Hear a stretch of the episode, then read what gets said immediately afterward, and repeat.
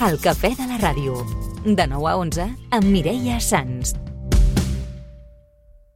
Tenim al telèfon el Joan Carles Sánchez, el president del... Eh, no, l'expresident i el cap de colla, dels, ca, dels castellers de Sabadell, perquè els saballuts comencen aquest cap de setmana la temporada de la seva 30è aniversari, amb la diada d'inici de temporada a Barberà del Vallès, amb la colla castellera jove de Barcelona i els castellers de Cerdanyola. Joan Carles, molt bon dia. Hola, bon dia. Com encareu el tret de sortida de la temporada? Doncs sí, aquest eh, diumenge comencem la temporada eh, amb moltes ganes i, i amb uns bons assajos previs i per tant amb uns objectius alts com a entitat per poder, per poder millorar les nostres, les nostres actuacions i poder abordar la clàssica de 8 al llarg de la temporada i poder abordar castells de 8 i nit i, bueno, amb moltes ganes i amb molta gent implicada. Uh, quan parlàvem, quan agafaves el, el càrrec de cap de colla, em deies que un dels objectius era omplir de camises als locals d'assajos, no? tenir més persones que vinguessin fins al local dels Saballuts. A hores d'ara, com ho porteu? Bueno, aquest és el repte, és el repte de tota la temporada. Eh, el primer que has de fer és que l'assaig funcioni i que l'evolució dels castells sigui una realitat. I a partir d'aquí és quan la gent comença doncs, a implicar-se més i el compromís es fa realitat eh, estem una mica en la dinàmica de l'any passat i amb l'expectativa de poder créixer. Jo crec que encara és massa d'hora per poder avaluar aquest objectiu, però continua sent un objectiu. Eh, nosaltres podem evolucionar per dues coses.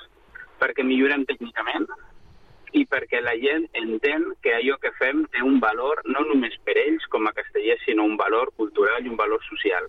I en aquest sentit és on nosaltres estem fent un esforç i crec que la colla en poques uh, setmanes doncs, veurà com ha anat creixent l'activitat, la, eh, els castells compromesos, i això té una translació directa en el que els castells evolucionen d'una manera més favorable. Uh -huh. I per tant, aquest cap de setmana què espereu portar a plaça? Bé, castells de 7 i de 7 i mig, per tant, eh, un bon nivell per ser la primera actuació de la temporada. Eh, comencem a Barberà, que és com la nostra segona casa, i la següent actuació ja serà a, a Sabadell dintre de 15 dies eh, i per tant veure quina evolució podem anar tenint eh, perquè volem, diríem, en aquesta primera part de la temporada poder acordar el, el 4 de 8 quan estigui ja amb proutes garanties. La sema, aquesta setmana hem tingut la primer, el primer, diríem, 3 de 7 net, que és la base sobre la qual podem construir el 3 de 8, i a partir d'aquí doncs, anar, anar millorant i anar buscant la torre de 7, el 3 de 8, així, el que seria l'evolució normal, habitual d'una colla castellera. I a més l'any d'aquest 30è aniversari que entenc que fa que encara hi hagi més ganes de, de, fer, de fer-ho especial, no?